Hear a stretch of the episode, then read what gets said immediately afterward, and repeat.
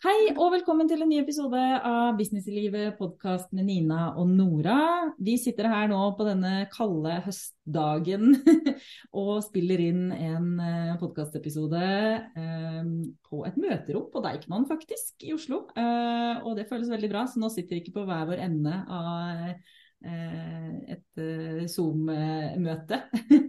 vi sitter sammen. Men vi har med oss en herlig, spennende gjest på Zoom i dag. Eh, nemlig eh, eh, pengecoach, eller hva skal jeg si. Eh, eh money mindset og pengecoach Jannike Stabel, eh, som er skikkelig god på dette med prisstrategi, money mindset og det å hjelpe businesser å ja, bygge profitt og, og, sette priser og sånn. Så vi skal få en ja, god samtale om dette som går på det med penger. Veldig aktuelt tema. Velkommen til deg, Jannike. Veldig hyggelig at du er her. Tusen takk, veldig hyggelig å være her. Ja. Um, hvordan eh, starta det hele for deg? Har du alltid vært uh, interessert i penger, eller hva, hva gjorde at det er det her du vil jobbe med? Godt spørsmål. Um, ja, altså sånn fra bakgrunnen min er jo på en måte blåruss, tallfag, økonomifag, regnskapslinje, jobba med økonomi og har 15 eh, års erfaring med B2B salgserfaring, markedsføring, økonomistyring med meg inn i det å drive business. Men eh, jeg starta jo som businesscoach og visste jo ikke, altså det er ganske bredt, som du mm. også kanskje syns, eh, Nina, i forhold til det der hva skal man fokusere på. Ja. Eh, så det var ikke naturlig, det var ikke der jeg starta egentlig, jeg holdt på nå i drøye tre år, tre og et halvt år. Um, så jeg starta innledningsvis med coaching, én til én, og da jobba med brandstrategi og brand-arketyper og den slags. Ja. Men klart vi, det var jo en del, altså en del av det var businessmodell, um, så vi jobba jo litt med prisstrategi allerede da. Mm. Og, og, så har jeg vært en tur innom det å lære å lage online-kurs, og mm. fellesnevneren da har vært at kundene mine har fått høye skuldre når vi kommer inn i pengesnakket. Ja. Og, jeg har syntes det har vært en interessant problemstilling å jobbe med. Eh, og har ja. bare funnet at det er det jeg brenner for og syns er veldig gøy. Ja. Eh, ja. så egentlig litt sånn veldig kort fortalt eh, hvordan jeg landa der. Så, så jeg har, eh, altså jeg har en, sertifisering i, som business coach gjennom en amerikansk coach, og hun i våres så tok jeg da en ny sertifisering med henne i det money mindset coaching, da. Så, så, egentlig det siste året at jeg har gjort den endringen og gått fra andre ting, og nå ja, posisjonert meg innenfor det å snakke om penger og prisstrategi og bygge profitt. Ja. ja. Men da er jeg mm. spent på, når du sier at alle fikk litt sånn høye skuldre, hva, hva er det folk syns er skummelt eller ukomfortabelt med penger? Er det det å ta seg betalt, eller det å på en måte at de har en for lav eller en for høy pris, eller bare at man ikke vil inn på temaet, eller noe helt annet? Hva, hva ja, uh, all of the above. ja, alt sammen. uh, veldig variert, ja. Det kan være altså det vært, Jeg vet ikke hva slags innfallsvinkler det ikke har vært. Så det er jo alt fra selvfølgelig det å vite hvordan skal jeg, hva, hva er prispunktet mitt, investeringen, hva skal, hva skal jeg legge til grunn for å sette som prispunkt. Um, og det er Mange syns det bare er ukomfortabelt å snakke om penger. Mm. Uh, og så er det altså helt fra at noen har jobba med meg som hadde problemer med spesielt en av foreldrene sine i hele oppveksten, og ha med seg at hun ikke fortjener ting i livet sitt. Har ikke liksom fått den omsorgen fra han. Eh, som da ligger i underbevisstheten vår, og jeg, jeg er opptatt av dette her å drive businessen vår basert på personligheten vår. Mm. Eh, så ofte så har vi ting som kanskje ligger der som ikke vi helt er klar over. Hun var veldig tydelig på det. Da. Jeg har, et, et, jeg har en utfordring med ordet fortjene. Og ja. når man har det, så klarer man ikke heller da å se at jeg fortjener ikke å ha penger. Eh, så man klarer ikke da å ta seg betalt, selv om man kanskje bevisst sett tenker ja, men jeg skjønner hva du sier, jeg skal brette opp erma, jeg er klar for å gå ut av komfortsona sette opp prisene mine eller noe sånt, men så mm ligger det blokkeringer der. Um, så, så, jeg, ja. så, dette stikker egentlig ganske dypt når du snakker ja. om ikke sant? Jeg, Først så kan man tenke at ja, penger det er på en måte det siste jeg gjør når jeg lager et uh, produkt, et digitalt produkt. Jeg skal lansere en masterclass eller et online-kurs. Ja, ok. Mm. Eh, penger, det, det, kommer. Da ser jeg hvor mye verdi det gir, og så setter jeg liksom eh, prisen på topp. Og det er litt mer sånn den overfladiske biten, kan man føle. Mm, ja. når du snakker om det, så skjønner jeg jo veldig tydelig, og jeg vet jo egentlig dette også når du sier det, at det er, dette stikker jo liksom Ja, som, altså det kan gå tilbake til barndommen og, og stikke dypt mm. hos folk. Ja, det gjør det. Ja. Fordi vi har alle med oss, altså alle, vi har alle med oss si, en pengebagasje. Da. Eh, og egentlig tankesettet vårt rundt penger er Det er mange elementer der. Så det å være bevisst på egenverdi, eh, hvordan man snakker til seg selv, om man snakker seg selv opp eller ned, påvirker hvordan man har det. Altså de tankene man tenker, da, trigger jo følelser i oss. Mm. Eh, hvis man sitter og snakker seg selv ned og tenker 'dette får jeg ikke til', 'dette er det ingen som vil kjøpe', sånn som nå for tiden, er det betalingsevne og villighet i markedet f.eks. Hvis man hele tiden tenker 'nei, nå har ikke folk råd', mm. så føler man seg litt dårlig, og hvilke action tar man da? Man er mindre på, og det der å sette prispunktet, da, da er det lett at man kanskje tenker at nå må jeg sette prispunktet mitt ned, eller ikke mm. tør å sette det opp, selv om man kanskje vil det, fordi at man har eksterne faktorer. Ikke sant? Så det er, det er, veldig mange ting som spiller inn uh, på det å sette mhm. pris og prissetting. Altså, ja. Men tror du mange syns det er eh, vanskelig å ta, eller vanskeligst å ta seg godt betalt, eller det å tro at man er verdt det, hvis du ser forskjellen? Ja, jeg ser absolutt forskjellen. Um, begge deler. Uh, og det er, det er rart, eller ikke rart, men uh, det er ikke så rart, men, men, det er mange som på en måte ser kanskje på seg selv begynner å sette verdien i forhold til er jeg verdt det, kan jeg nok, det der å kunne nok. Man skal bare ikke sant? Jeg nevnte at jeg har en sertifisering, men det er jo ikke så veldig viktig. Altså sånn, Man må ha kompetanse og sånn, men om man er sertifisert eller ikke, eller eh, Jeg hadde en, en, en kunde jeg jobba med som jeg omtalte som coach, og så var hun veldig på at nei, hun var ikke coach, hun var veileder. Mm. Hun hadde veldig respekt for liksom coach, og hun uh, prisa seg ned, for hun følte ikke at hun var coach. Og det er mye som, som rører mm. seg der i forhold til seg selv, verdien av seg selv, og også det å naturlig kanskje kjenne er tjenesten min verdt nok? Ja. Eh, for man blir jo litt blind på det man sitter og lager selv, ikke sant. Og ja. eh, skulle se det utenfra og inn. Eh, hvis, hvis, du putter deg skoene på en potensiell kunde, er de villige til å betale for dette her? Men er det, så... det konkret, er det det du også da hjelper de med? Altså sånn at du kan se på produktet, de kommer til deg og på en måte legger fram liksom produktet sitt, og så kan du hjelpe de med da å, å på en måte sette en pris ut ifra hva du tror det er verdt, på en måte? Det, eller hvordan er det liksom du jobber å, med kunden for å finne da den rette prisen? Ja, uh, gudskjelov så slipper jeg å sitte og tro uh, ja. noe. Så, men jeg uh, Hvordan vi jobber er et godt spørsmål, absolutt.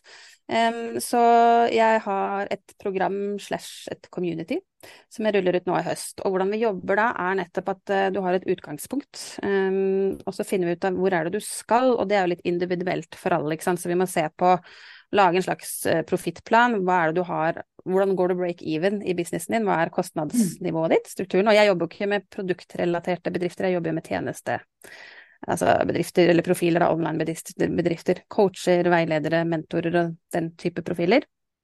Så vi jobber med utgangspunktet, og hele på en måte Money Lounge heter jo det programmet.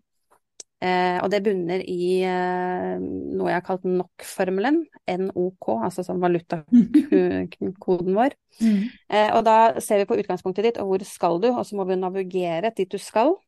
Og underveis da så oppgraderer vi to, to ting. Det er strategien for å eh, i mitt, det tilfellet her, da, at vi designer tjenesten din så du kan selge den til et prispunkt på 20 000 kroner eller mer.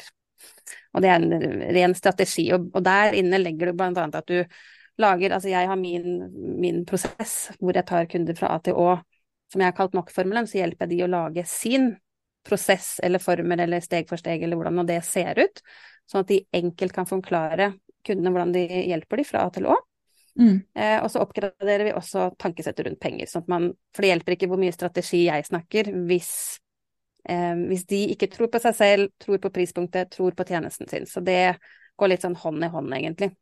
Ja, så vi må ha med begge deler her. En pris først, og så passe på at innholdet er godt nok? Ja, du, ja, det er også en måte å gjøre det på. Ja. Men jeg ser på hva de har, så hvordan er tjenesten. Og noen ganger så selger de og underpriser de seg jo.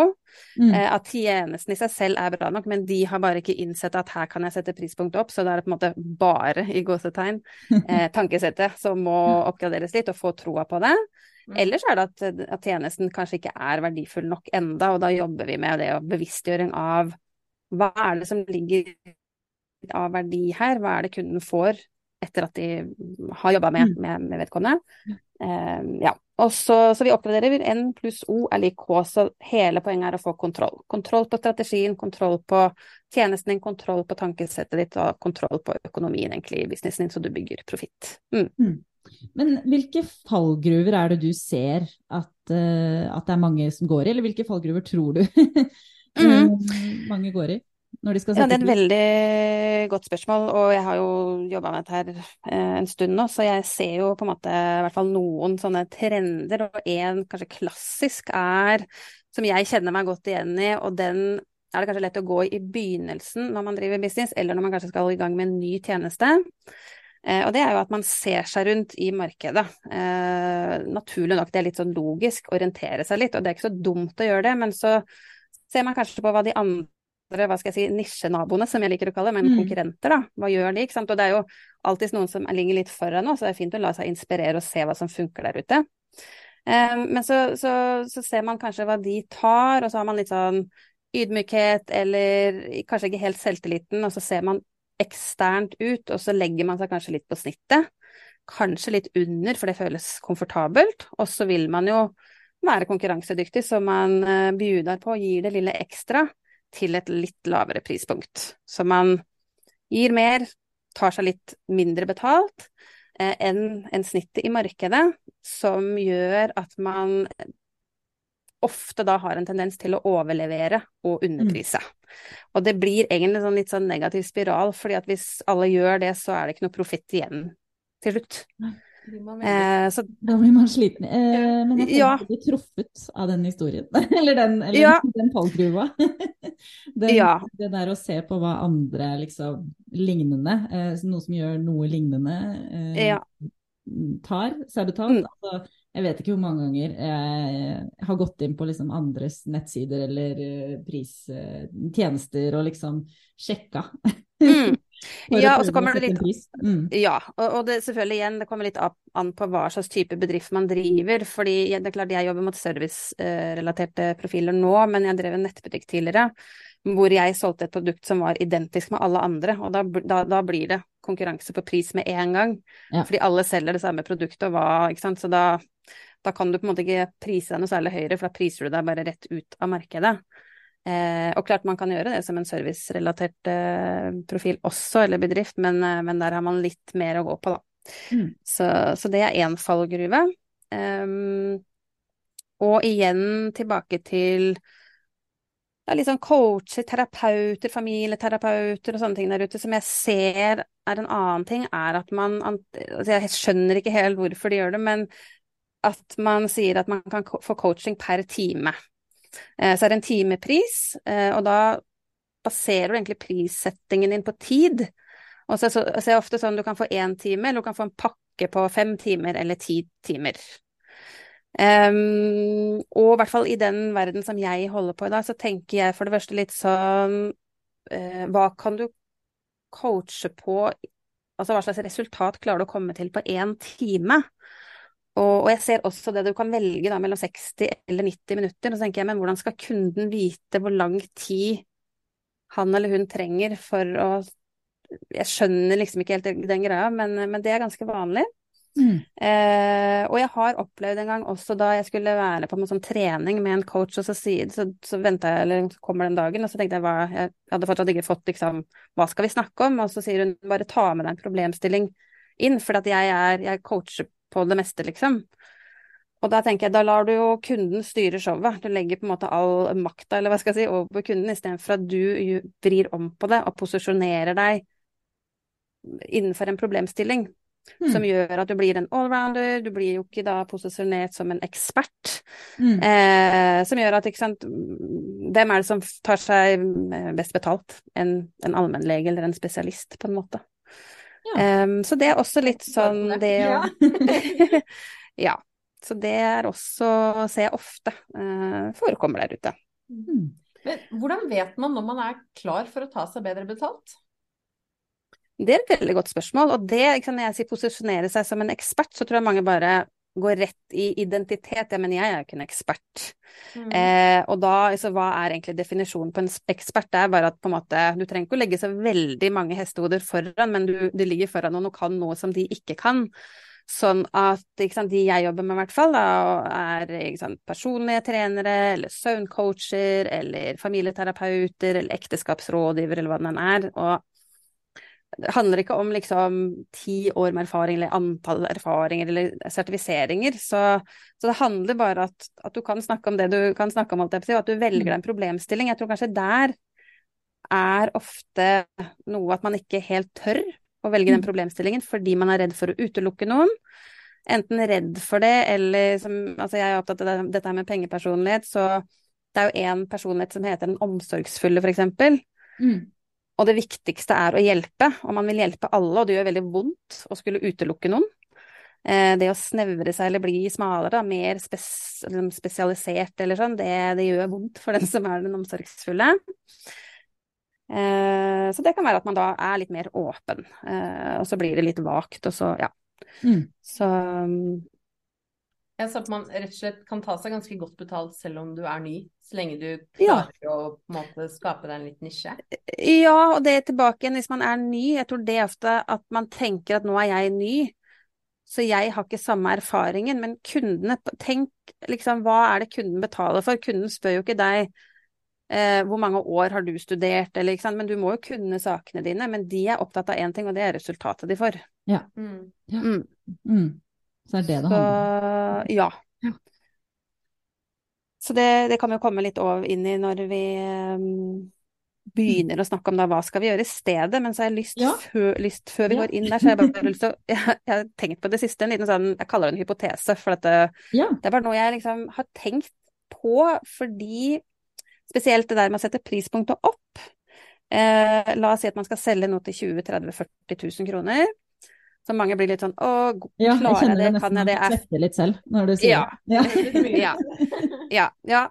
Um, og da er det litt sånn da er det ikke like lett å, å bare ha bare, i anførselstegn, ha en salgsside som folk skal klikke 'kjøp her', og så flyr liksom 30 000 kroner ut av døra all the time. Da må man inn eh, og kjøre salgssamtaler, f.eks. Mm. Og da er det mange som bare 'Å, salgssamtaler, vet ikke', jeg snakka med her om dagen som sa ja, men jeg har kjørt det tidligere, og jeg får bare med såkalte freebie hunters, altså de vil ha gratis, eh, vil bare ha gratis liksom hjelp.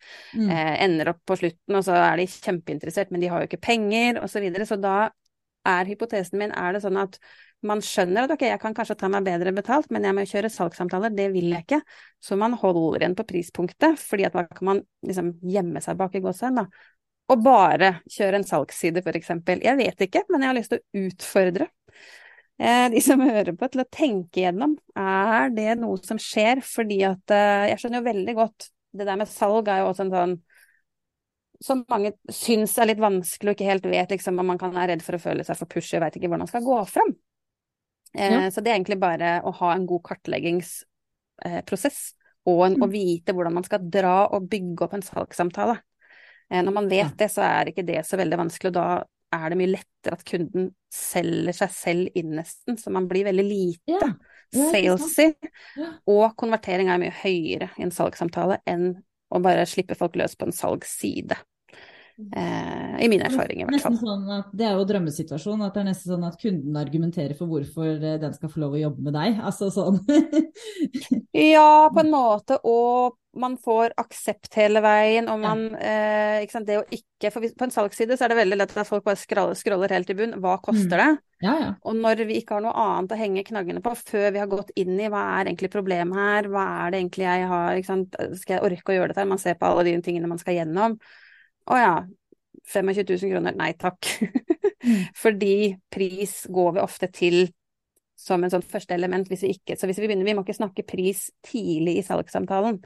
Vi må jo få de til å begynne å se for seg hvor er det de vil, se for seg punkt B. jeg vil hit, eh, ok, og liksom ta det gjennom en, en liksom, Det er jo psykologi, dette her. Salgspsykologi. Ja. ja, for det var faktisk en av spørsmålene jeg hadde tenkt å stille deg her.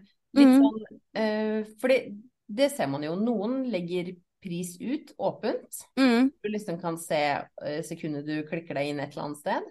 Mm. Prates om. Eh, og andre holder det veldig tett i brystet. Og nå ja. virker det som at du er den som holder det tett i brystet.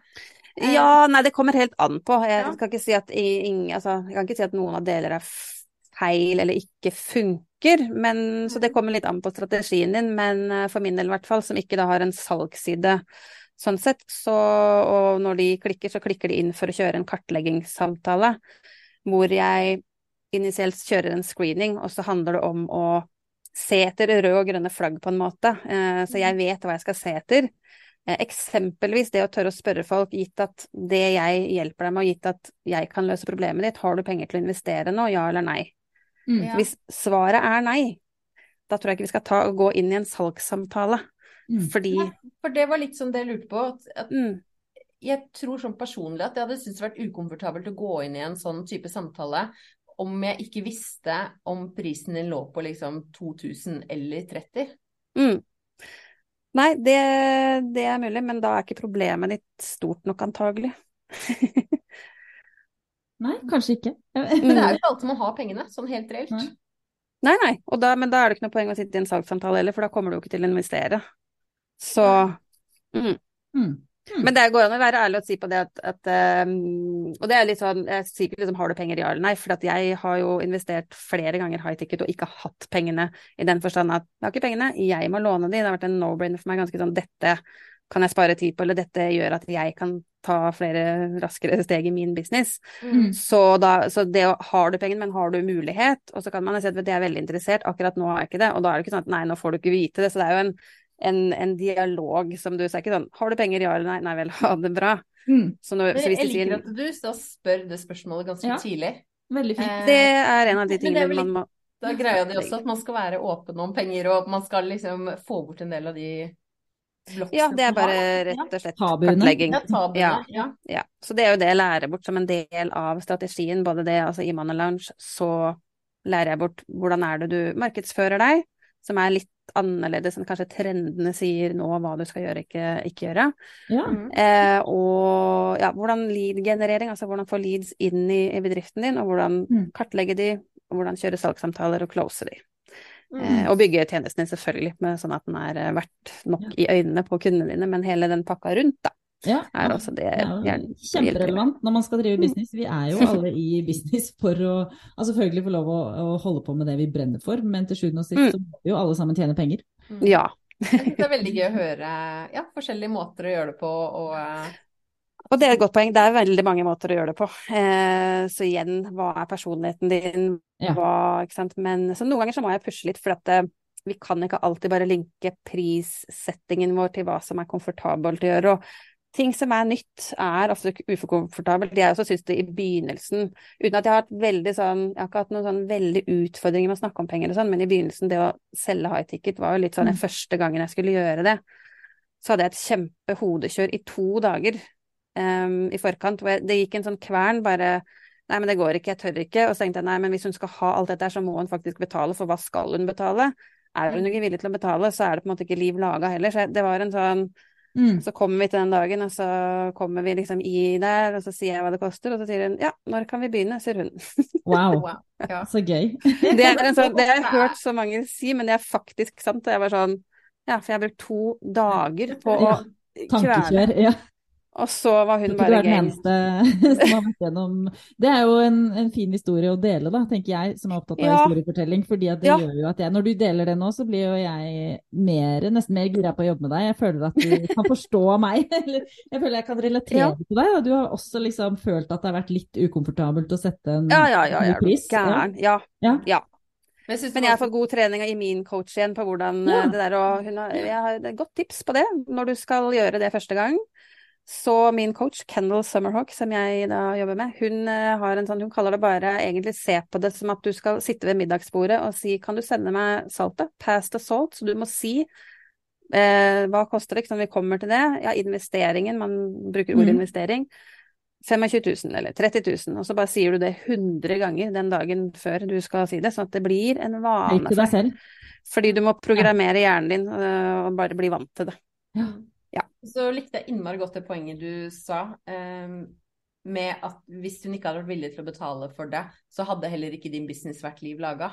Mm. Eh, og det tror jeg er et sånt poeng veldig mange eh, egentlig skjønner, men velger bevisst å ignorere. Mm. Fordi det er litt eh, smertefullt. Mm. Ja, det, ja. det hva man faktisk må ta betalt for at man skal kunne leve av det. Mm, og Mm. det gjør litt vondt. Mm. Det, det er faktisk Og det, det tror jeg veldig mange kjenner på, altså. Og det, og det er litt sånn erfaring òg, ikke sant. Men man, til slutt så kommer man jo dit. Klarer man å betale regningene sine eller ikke? Mm. Og hvis ikke, hva da? Uh, ja. Mm. Ja, men når du kommer til det selv også, så viser du jo veldig at det er verdt det, ikke sant, de pengene. Mm.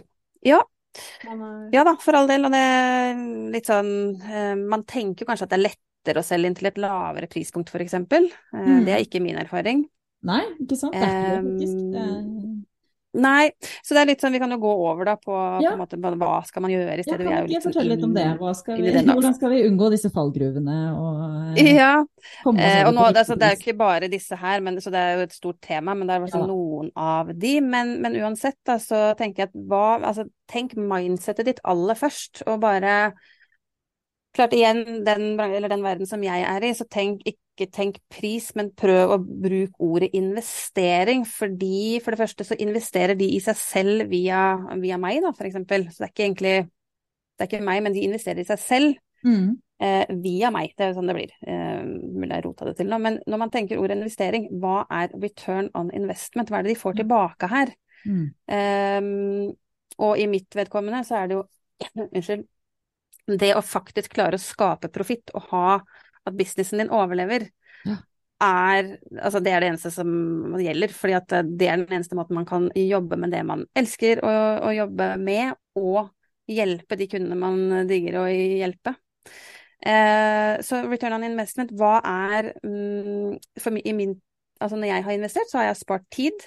Jeg jobba f.eks. med Sigrun, jeg vet ikke om dere vet hvem det er. Hun er jo lady in red, hun fra Jo, jo. Island. Ja. Vis meg det. Mm.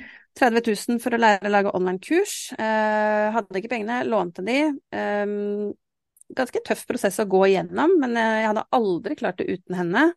Og jeg fikk tilbake altså halvparten av investeringen jeg la på bordet med henne i den første kunden jeg closa etter å ha jobbet med henne. Det er gøy. Så så det, ja.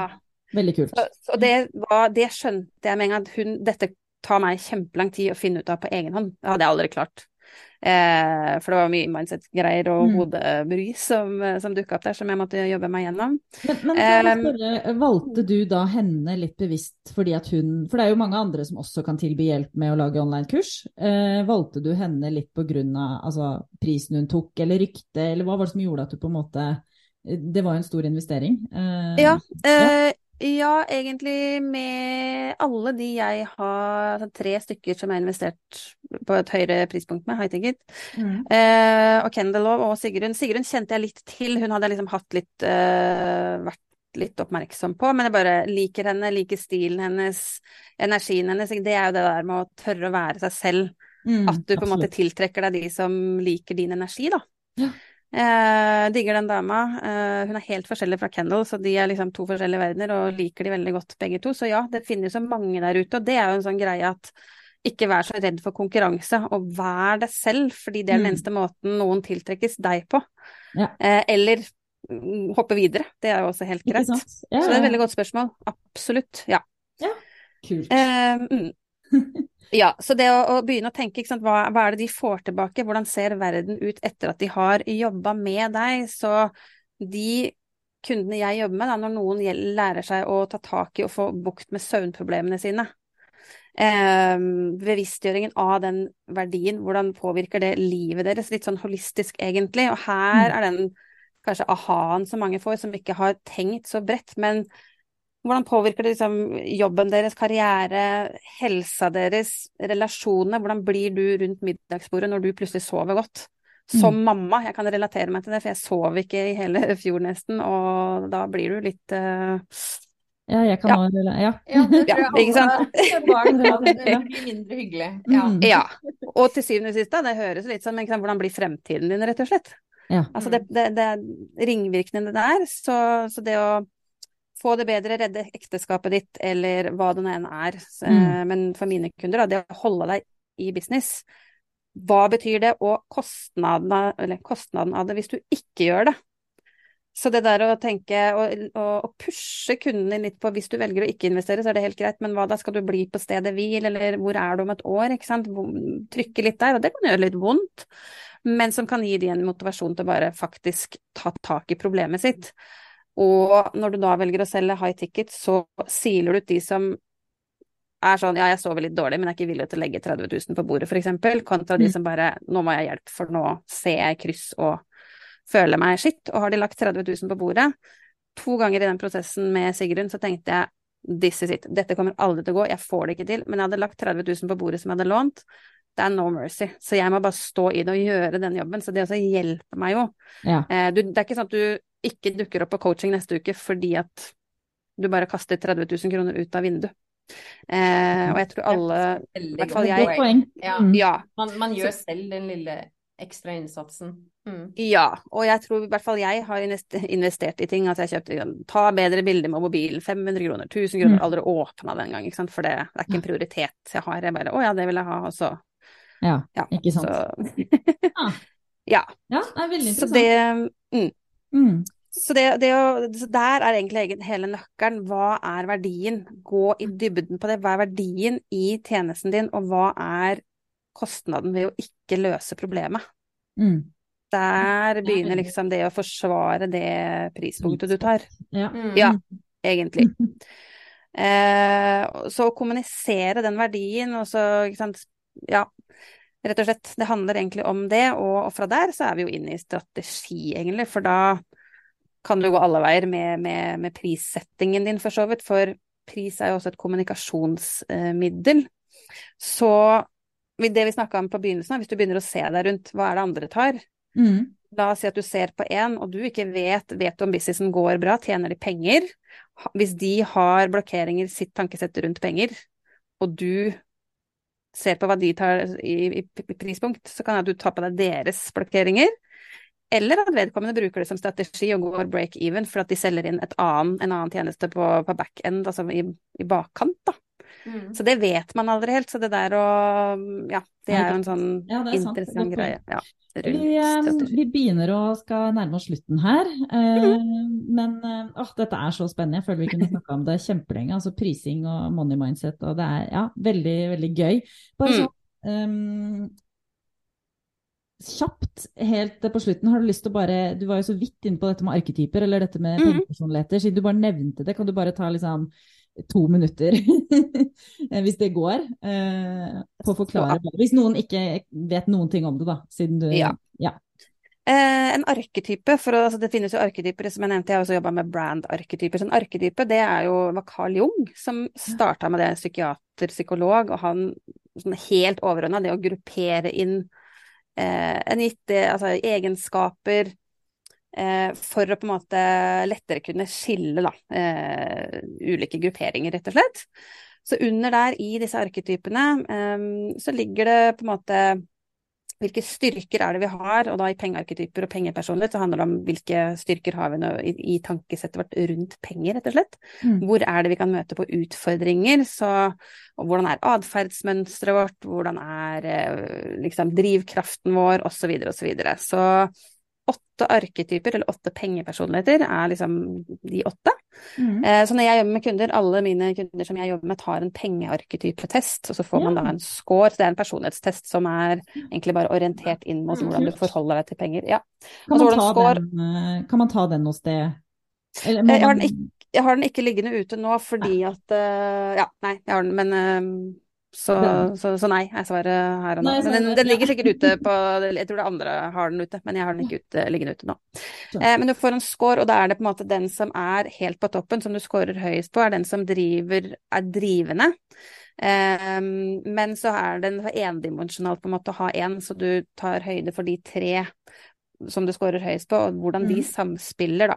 Så jeg gjør på en måte money readinger, hvor, jeg, hvor du tar testen, og så kan jeg på en måte gi deg styrker og utfordringer og litt sånn Ja. din X-faktor, og hvordan du bør bygge businessen din basert på din pengepersonlighet. Det gjør jeg som en del Det gjør du som, ja. som en tjeneste. Så da kommer vi jo litt inn på det med sånn til slutt her, hvordan eh, man kan jobbe med deg og finne deg og Ja, det er Ja. Så absolutt, jeg er mest aktiv på Instagram. Der er jeg all the time, holdt jeg på å si. Eller der er jeg hele tiden. Så at Jannicke Stabel. Eh, For så vidt også på Facebook, men der må jeg få litt mer farta opp, eh, skjønner jeg. ja. eh, og så står jeg bak da Money Lounge. Um, så jannikestabel.no slash profitt er eh, altså nettsiden min er jannikestabel.no. Den er sånn halvveis opp og går, men eh, slash profitt, der får du i hvert fall innblikk i hva Money Lounge handler om, og det er jo ordet lounge. Jeg vil at det skal være chill. Ja. Eh, se for at du er på en daybed. Mm. Eh, ja, det vil at du skal komme dit, ha kontroll og stresse ned. Trenger ikke å være er verken stressende eller ensomt å tjene penger. Mm. Du har jo også eh, ak akkurat startet en podkast. Hva heter den? Mm, Podkasten heter Coach og kaffe. Så den ligger på Apple Podkast enn så lenge. Da Så skal jeg få den ut på Spotify og okay. andre steder. Ja, Ja. den må, må, må dere sjekke ut, dere som Ja. hører på. Ja, Men takk for at du kom. Dette var en veldig fin samtale. Ja. en veldig spennende. Tusen takk for meg. Veldig gøy å være her. Ja, da